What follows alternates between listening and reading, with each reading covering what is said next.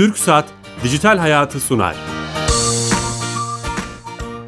Herkese merhaba. Ben Bilal Erent. Teknoloji ve internetin daha geniş anlamda dijitalleşmenin hayatlarımıza etkilerini konu edindiğimiz Dijital Hayat programımıza hoş geldiniz. Her cuma saat 15.30'da TRT İstanbul Radyo stüdyolarından sizlerle beraber olmaya devam ediyoruz. Bu hafta e, Temmuz ayında beta versiyonu duyurulan ve insanların yazdığı metinlere benzer içerik üretmek için derin öğrenmeyi kullanan Üçüncü nesil dil tahmin modeli olarak da tanımlanan GPT-3'ü konuşacağız. Yeni bir kavram e, en azından hiç bilmeyenler için e, geçmiş versiyonları olsa da bunu çok değerli bir konuğumuzla konuşacağız. Konunun uzmanı yapay zeka araştırmacısı Yusuf Sarıgöz telefonda bize katılacak Ankara'dan ve onunla tüm detayları konuşmaya çalışacağız. Ama öncesinde her hafta olduğu gibi sponsorumuz TürkSat'a bağlanacağız. E, TürkSat'tan e, Fatih Çiçek arkadaşımız e, kamunun bütün işlerini dijitalleştiren e, e, Türkiye Gov.tr hizmetlerinden, servislerinden bir tanesini her hafta olduğu gibi bizimle anlatacak, bize anlatacak. Şu an telefon attığımızda kendisi Fatih Bey. Merhabalar, kolay gelsin, iyi yayınlar diliyorum. Hoş geldiniz yayınımıza. Sağ olun, teşekkür ediyorum. Bu hafta hangi servis hizmeti bize anlatacaksınız? Ee, bu hafta e, yakın zamanda güncellediğimiz bir hizmeti tanıtmak istiyorum. Lütfen. Ee, dernek üyeliği sorgulama hizmeti devlet kapısında uzunca bir süredir sunulmakta. Vatandaşlarımız bu hizmeti yoğun bir şekilde kullanmakta. Geçtiğimiz günlerde yapmış olduğumuz e, güncellemeler ile hem dernek üyeliği bilgileri daha da detaylandırıldı hem de yeni eklediğimiz modül ile üyelik sonlandırma işlemi de eklenmiş oldu.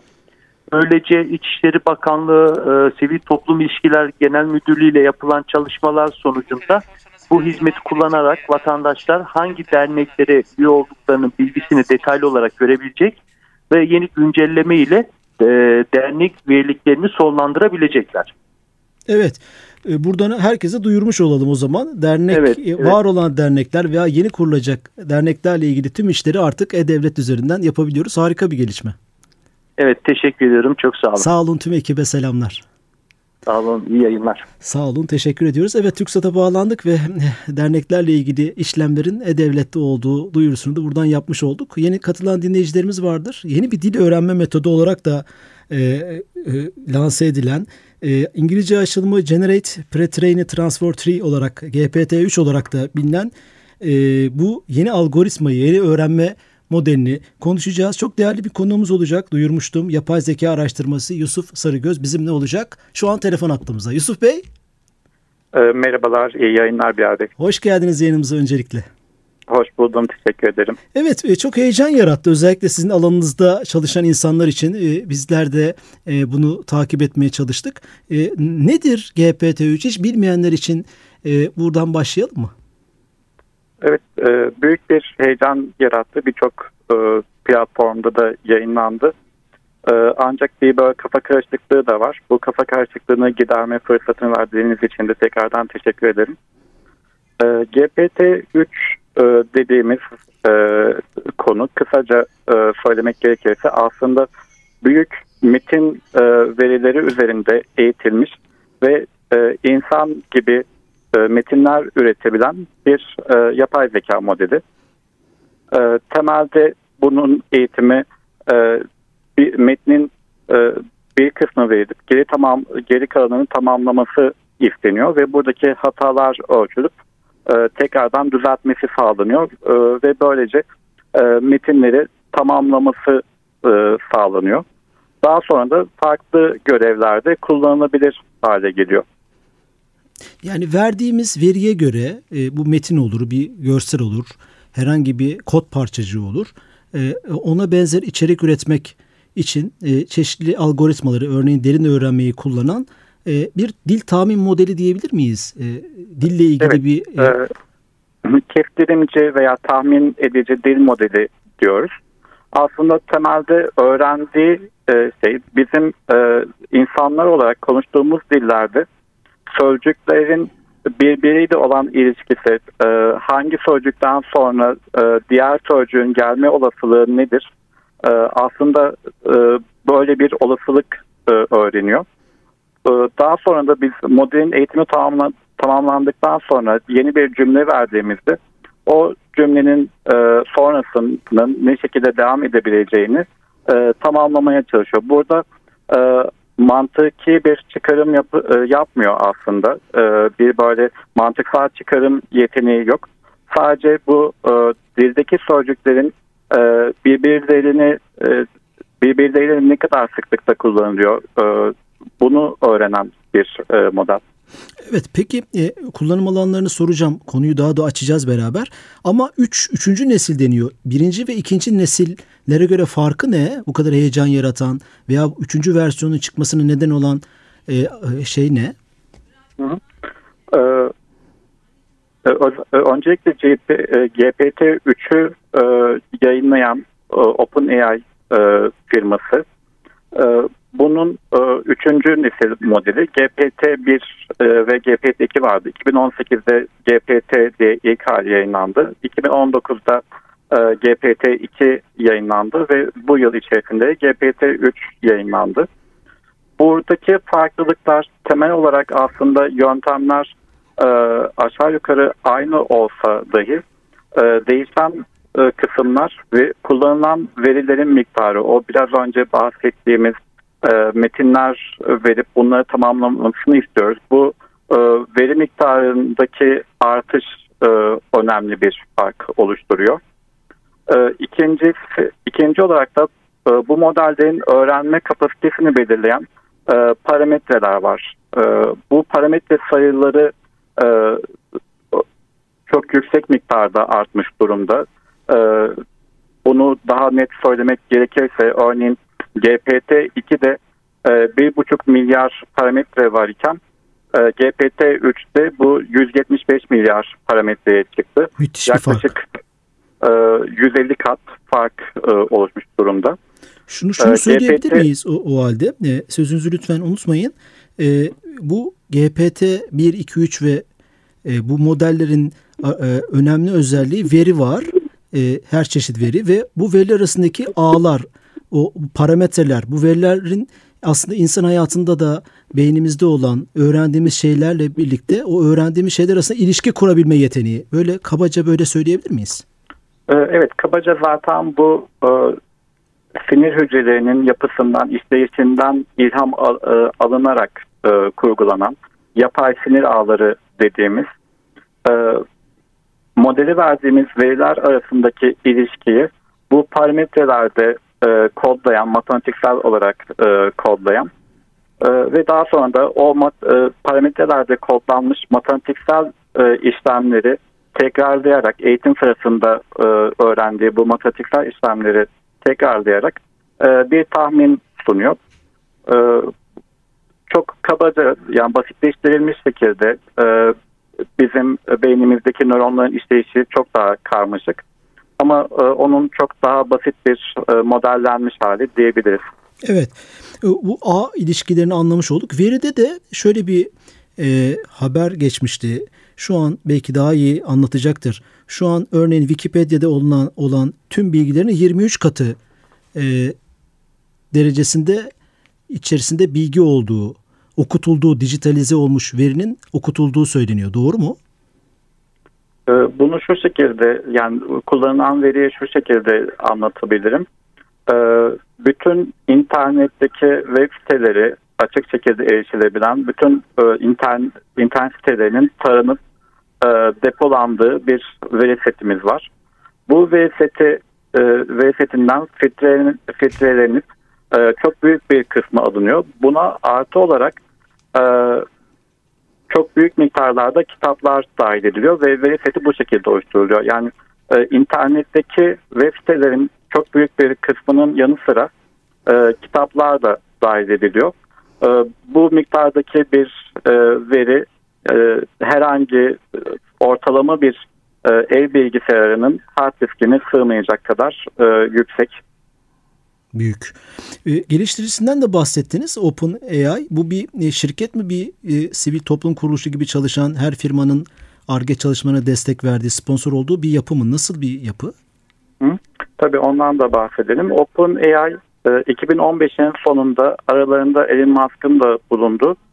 E, birkaç yatırımcı ve e, yazılımcı, geliştirici tarafından kurulmuş bir e, kar amacı gütmeyen araştırma laboratuvarı, laboratuvarıydı. Yapay zeka odaklı. E, ancak geçtiğimiz yıl itibariyle e, artık OpenAI kapsamında OpenAI LP ismini verdikleri e, kar amacı güden bir e, birim de kuruldu. Ve GPT-3 de aslında bu e, kar amaçlı olarak kurulan e, OpenAI LP biriminin ilk ticari projesi olması amaçlanıyor. Yakın zamanda bu ücretli olarak e, kullanıma sunulması e, bekleniyor. Muhtemelen bu yıl içerisinde gerçekleşecek. Evet, e, yapay zeka araştırması Yusuf Sarıgöz'le e, GPT-3'ü konuşmaya çalışıyoruz. Yeni bir e, dil tahmin modeli olarak lanse edilen. Bu OpenAI e, kar gütmeyen ve kar güden e, iki, iki kurumu e, tüm dünyadan katılım var mı şirketler, örneğin araştırmacılar, bilim adamları, örneğin Türkiye'den katılan var mı bildiğiniz kadarıyla? E, ismen şu anda söylemem mümkün değil ama e, aslında e, diğer e, firmalara göre böyle Google, Microsoft gibi bildiğimiz bu alanda e, ilk anda ismini söyleyebileceğimiz firmalara göre nispeten küçük bir e, yapı. Toplamda 120 kadar e, çalışanı olan, e, büyük oranda araştırmayı e, öne alan e, bir laboratuvar diyebiliriz. E, böyle bir yapıda tabii ki e, çeşitli ülkelerden araştırmacılar, geliştiriciler, mühendisler yer alıyor. E, 2019'da Microsoft'la işbirliği e, yaptı. Bu OpenAI LP'de kurulduktan sonra e, 1 milyar dolar yatırım yaptı Microsoft buraya. E, ve bunun karşılığında da OpenAI LP geliştirdiği teknolojileri öncelikli olarak e, Microsoft'un kullanımı için e, lisanslamak üzere e, böyle bir anlaşma yapıldı. Ee, bunun sonrasında giderek yapının daha da genişlemesi e, bekleniyor. Biraz daha ticari tarafta e, büyüme hedeflenecek e, gibi görünüyor. Evet aslında bu giriş bölümünde hem bu dil tanıma öğrenme metodunu öğrenmeye çalıştık, anlamaya çalıştık. Şimdi biraz kullanım alanlarına geçelim isterseniz. Hayatımızda neleri değiştirebilir, hangi potansiyelleri de, öngörüyor, neler hangi alanlarda şu an için kullanılıyor? Şu anda e, öncelikle GPT-3 OpenAI tarafından kısıtlı sayıda kişiye e, kapalı bir sistem içerisinde test amaçlı e, şekilde kullandırılıyor. E, başvuru yapmanız gerekiyor. Başvurunuzun kabul e, değerlendirilip kabul edilmesi halinde e, bu modelin kullanımı için e, erişim yetkisi veriliyor. E, şu anda bunu kullanarak bu GPT-3 e, modelini kullanarak e, bazı ürünler, hizmetler geliştirmeye çalışan birkaç e, girişim bulunuyor. Bunlardan bir tanesi örneğin GPT-3'e şu kişiye bir mail gönder şunları söyle dediğinizde bunu o kişiye uygun daha tutarlı resmi bir dille yazıp maili gönderen bir e, ürün geliştirmek, bir hizmet geliştirmek istiyorlar. Bu örneğin e, farklı telefonunuzda e, örneğin WhatsApp uygulamasına bağlandığında WhatsApp'tan e, bir e, robota söyler e, gibi işte buraya şunu gönder. E, bir belki e, iş görüşmesi için e, yapı, göndereceğiniz maili bu şekilde göndermeyi sağlayan e, bir hizmet geliştiriyorlar. E, diğer bir tanesi e, hukuk sözleşmelerini okuyup e, onları özetleyen e, önemli noktaları e, daha basit bir dille e, ifade eden o teknik hukuk terimlerinden e, soyutlayıp bizim günlük dilimize e, basit bir dille ifade eden başka bir ürün yine şu anda geliştirilme aşamasında. Bunların hangilerinin başarılı olup hangilerinin e, kullanıma geleceğini şu anda kestirmek çok mümkün değil. E, bazı çünkü engeller de var. GPT-3 e, öncelikle çalıştırılması e, oldukça pahalı maliyetli bir model. Bu e, böyle kurumsal işte milyar dolar yatırımların konuşulduğu kurumlar için dahi pahalı. O yüzden bununla geliştirecek ürünlerin gerçekten bir katma değer sunuyor olması e, gerekiyor. E, baş, e, piyasada başarılı olabilmesi, ne, e, günlük hayatta gelip kullanılabilmesi için. Neden pahalı? E, yani bunu uygulama geliştirmek isteyen e, diyelim girişimciler, hizmetler sunmak isteyenlerin erişimi mi ücretli yoksa bu çalışması üstünde çalışan donanımsal bir maliyet mi var? Neden pahalı? Ee, biraz önce de bahsettiğiniz gibi bu şu ana kadar geliştirilmiş en büyük e, yapay zeka modeli. 175 milyar parametre e, bir öncekinden e, 150 kat daha büyük e, şeklinde. E, bu kadar parametre ile kodlanan matematiksel işlemlerin hesaplanması sırasında e, çok büyük oranda enerji harcanıyor, elektrik enerjisi harcanıyor. E, modelin eğitimi sırasında da zaten e, büyük masraflar yapılmış durumda. E, bu resmi olarak açıklanmadı ama tahminlere göre yapılan e, tahminlere göre e, 10 milyar 10 milyonlarca dolar e, bir harcama yapılmış durumda sadece modelin eğitilmesi için. Biz diğer çalışmalardan biliyoruz ki e, eğitim sırasında harcanan miktar e, modelin e, bütün e, yaşam döngüsü içerisindeki masraflarının yüzde onu dahi yapmıyor. E, yani asıl biz yüzde doksanlık e, masrafları modelin kullanımı sırasında yapıyoruz. E, bu maliyetleri de OpenAI do, dolayısıyla e, kullanıcılara e, bu GPT-3'ü kullanarak uygulama geliştirmek isteyen kişilere yansıtmak durumunda kalacak.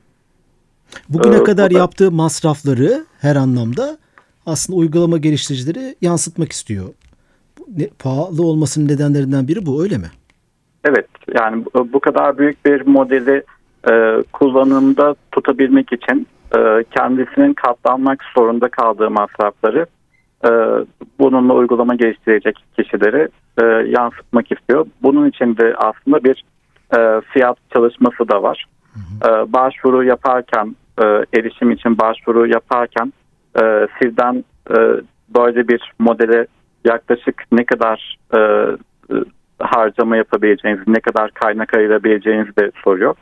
E, böyle bir istatistiksel çalışma da şu anda yürütülüyor. Şu an için o zaman bireysel geliştiricilere kullanıma çok açık değil hem maliyetler nedeniyle ama belki de Moore yasasından yola çıkacak olursak ilerleyen her sene bunun maliyetleri giderek düşecek ve belki bireysel kullanıma açılacak yakın bir zamanda öyle diyebilir miyiz? Ee, tabii bir yandan Moore yasası var ama e, diğer taraftan Moore yasasının karşısında şöyle bir e, istatistiğimiz de var. E, her üç buçuk e, ayda bir yaklaşık her üç buçuk ayda bir e, modellerimizin, yapay zeka modellerimizin e, kapasitesi, bu parametre sayısı olarak e, belirttiğimiz kapasitesi yaklaşık e, iki katına çıkıyor. Bu da artıyor evet. İçindeki parametreler ee, ve veriler de artıyor. Evet bu da aslında çok tehlikeli de e, bir yere de götürüyor bizi. E, bu modellerin eğitimi ve kullanılması sırasında ciddi bir e, karbon salınımı da oluyor harcanan enerji miktarından ötürü. E, o yüzden OpenAI gibi kurumların giderek daha büyük e, yapay zeka modelleri yapması e, bu anlamda da e, bizi yanlış bir yere götürüyor. Bunun yerine e, biz bu performansı gösteren modeli daha küçük nasıl yapabiliriz, daha az enerji harcayarak nasıl yapabiliriz? Araştırmanın yönünün bu olmasında fayda var. Diğer türlü çünkü e, bu katlanarak gelecek ve bir yerden sonra artık sürdürülemez e, hale gelebilir. Belki de öğrettiğimiz e, e, makinalar kendilerinin daha az enerji harcayarak nasıl çalışacağını bulacaklar e, bir süre sonra. Belki buraya da kapı açılabilir. Şu anki teknolojimiz ve maalesef hani e, bu kadar ümitli olamıyoruz çünkü e, biraz mantıksal çıkarımlar konusunda onun da örneklerini konuşabiliriz e, vaktimiz olursa. E, mantıksal çıkarımlar yapamıyorlar şu an için sadece e, o öğrendikleri olasılıklar dahilinde verdiğimiz cümlenin e, geri kalanının ne şekilde tamamlanabileceğini e, tahmin edebiliyorlar. Burada e, bir bilimsel olarak e, tutarlı ifadeler e, getirebiliyorlar. Özellikle e, deyimleri de çok rahatlıkla kullanabiliyorlar. E, ancak bazı durumlarda baktığımızda çok bariz şekilde mantıksal e, çıkarım hataları e, yapıyorlar. E, bunlardan bir tanesini örnek verecek olursak örneğin e, şöyle bir metin veriliyor. E, evinizin salonunda akşam yemeği vermek istiyorsunuz ancak yemek masası e, kapı genişliğinden daha fazla masanın genişliği e, kapı açıklığından daha geniş. E, bu yüzden deyip boşluk bırakılıyor ve bu geri kalanının tamamlaması isteniyor. GPT-3 bunu şu şekilde tamamlıyor. E, bu yüzden masa testeresiyle e, kapınızın üst kısmını kesip masayı salona taşıyorsunuz e, şeklini tamamlıyor. Bakınca aslında tamamen tutarlı konuyu konuyla da bağlantılı. Ama mantıksal olarak baktığımızda e, birkaç tane yanlışlık var. Masa testeresi olarak söylenen aslında e, masanın üzerinde kullanılan e, masa üstü kullanım için küçük bir e, testere. E, masa, ama bizim cümlemizde masa geçtiği için e, hemen onunla bağlantı kuruyor. Kapının üst kısmını kesmek e, masayı çıkarmak için e, doğru bir yöntem değil. Masayı yan e, çevirerek çıkarmak e, daha doğal bir e, yöntem burada. Bu tür mantıksal çıkarımları e, şu anda henüz yapamıyorlar. Bunun gibi birçok e, örnekte var. Hatta bu örneklerin bir tanesi e, örneğin 1972 yılında bir doktora tezinde e, sunulmuş. Bu e, mantıksal çıkarım e, bizim yapay zeka modellerimizin mantıksal çıkarım yapı, yapıp yapamayacağını test etmek için kullanılabilir e, şeklinde bir e, öneri yapılmış. Ve bu öneri de e, hala daha GPT-3 tarafından doğru şekilde yapılamıyor. 50 yıllık bir e, sorun aslında. Örneklerde gördüm ben e, bu konuya e, e, ilgi duyup araştırma yaptığımda. işte röportaj yapan gazeteciler, şiir yazan uygulamalar hatta işte geçmişte yaşamış işte örneğin Shakespeare'in hiç yazmadığı bir şiiri Shakespeare vari şekilde yazabilen veya geçmişte yaşamış bir bir kanaat önderinin, bir bilim adamının hiç söylemediği söyle, sözleri tıpkı onun gibi söylemesi gibi örnekler de gördüm. Sanki bu verilerle onlar gibi davranıp öğrenebilme yeteneğine de sahip. Ee, ne dersiniz? Tabii burada e, o eğitim sırasında kullanılan veri miktarı e, hemen hemen internetin tamamını ve çok büyük miktarda da kitapları kapsadığı için e, bunun içerisinde her tür veri bulunuyor. E, bunları da öğrenmesi e, doğal, e, çok yüksek bir kapasiteye sahip. E, bu kapasite içerisinde e, çok geniş alanlardan metinler üretmeyi öğrenebiliyor. Hem bu şekilde kurgu şeklinde metinler yazma, şiirler yazma, haber içeriği üretme. Örneğin başka bir örnekte bir dijital pazarlama uzmanı GPT-3'ten ürettikleri metinlerle bir web sitesi kuruyor ve buraya da reklam alarak e, bir e, gelir de yakalıyor. E, bu tür örnekler de var örneğin. Zaten e, modeli bunun güzel kullanımları olabileceği gibi e, kötü kullanımları da mümkün. Kötüye kullanımları. O riskleri, o riskleri soracağım e, e, ama hani biraz daha kafamızda otursun örneklerle diyorum. Örneğin bundan sonra e, kod yazmakla ilgili e, e, çok büyük uzmanlığa gerek olmayacak. Metinleştirebildiğimiz, yazabildiğimiz veya seslendirebildiğimiz her türlü e, e, hayatımızı kolaylaştıran servisi yazarak bu GPT-3'ün koda dönüştürebileceği, uygulamaya dönüştürebileceği örneklerini de gördüm. E, ne kadar katılıyorsunuz buna? Burada e, bazı örnekler paylaşıldı so, e, sosyal medyada. Farklı programlama dillerinde yazılmış kod örnekleri paylaşıldı.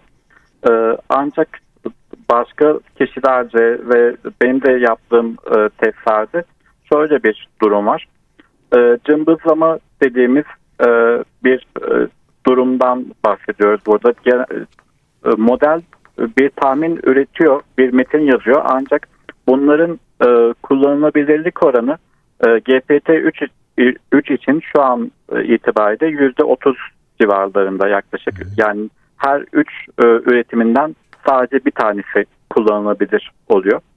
Ama e, hem insan e, biraz da böyle bilinç dışı şekilde e, modelin doğru üretimlerini alıp bunları paylaşma e, ve öne çıkarma yoluna gidiyor. E, geri kalan başarısız olan aslında o üçte ikilik kısım veya yüzde 65-70'lik kısım e, göz ardı ediliyor. Görmezlikten geliniyor. Görmezlikten siz, geliniyor. Ben Bunun sizi şöyle da, görüyorum. E, hani biraz bir temkinli yaklaşıyorsunuz GPT-3'e öyle anlıyorum. Evet e, biraz temkinli ya, tabii ki e, önceki modellere göre belli e, alanlarda bir e, daha yüksek doğruluk sağlanmış durumda.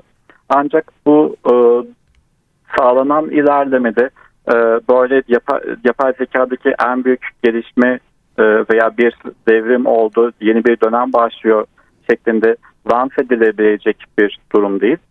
E, çünkü bilimsel araştırmaya da aslında bir katkısı e, henüz yok. E, bildiğimiz teknikleri kullanıyor. Bir e, sadece burada daha yüksek miktarda veri e, ve daha fazla parametre var. E, burada sağlanan doğruluk da buradan kaynaklanıyor. Zaten e, geçtiğimiz e, ay içerisinde de başka bir e, makale yayınlandı.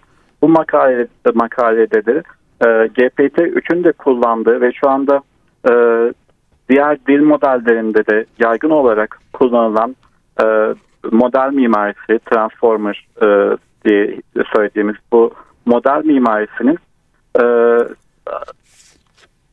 bir e, metin uzunluğunu arttırmadıkça e, doğruluğu arttıramayacağını net olarak matematiksel olarak gösteriyor. E, Bizim bu noktada yine e, biraz önce bahsettiğimiz e, bahsettiğimiz noktaya da dönecek olursak eğer bu model mimarisinden ilerleyecek olursak doğruluğu arttırmak için yap, e, yapmamız yapabileceğimiz tek şey metin uzunluğunu arttırmak. Bu da parametre sayısını arttırmak ve modelin enerji tüketimini arttırmak anlamına gelecek. O yüzden bizim artık bu yöntemden vazgeçip bunu bir şekilde daha e, hafif, daha zarif bir yöntemle nasıl yapabiliriz? Bunun araştırmasında e, olmamız gerekiyor diye düşünüyorum.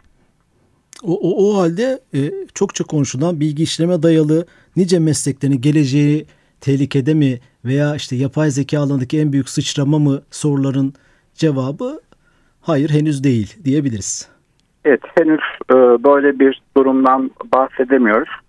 Ee, zaten verilen örnekler de hem e, bu şekilde seçilmiş örnekler olduğu gibi hem de aslında e, basit ve kısa kodlardı. E, GPT-3'te yapılan çalışmalarda görüyoruz ki uzunluk arttıkça modelin üretim kalitesi dramatik şekilde düşmeye başlıyor. Örneğin birkaç paragraflık bir metin ürettiğimizde oldukça e, tutarlı içerikler üretirken e, birkaç paragrafı açtığımız durumlarda artık e, iç, iç tutarlılık da bozulmaya başlıyor.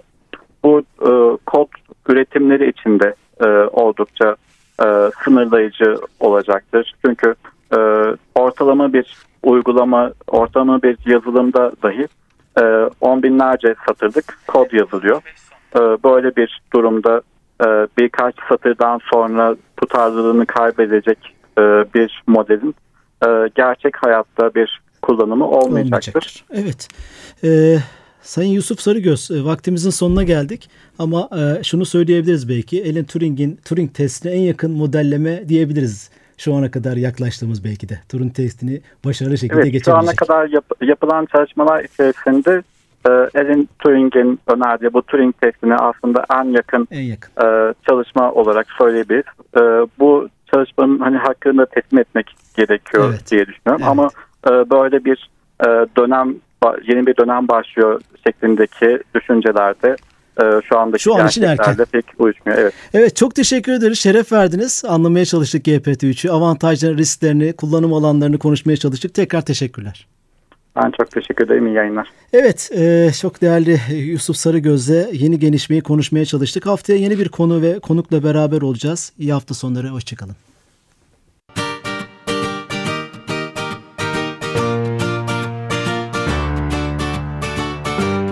TürkSat Dijital Hayatı sondu.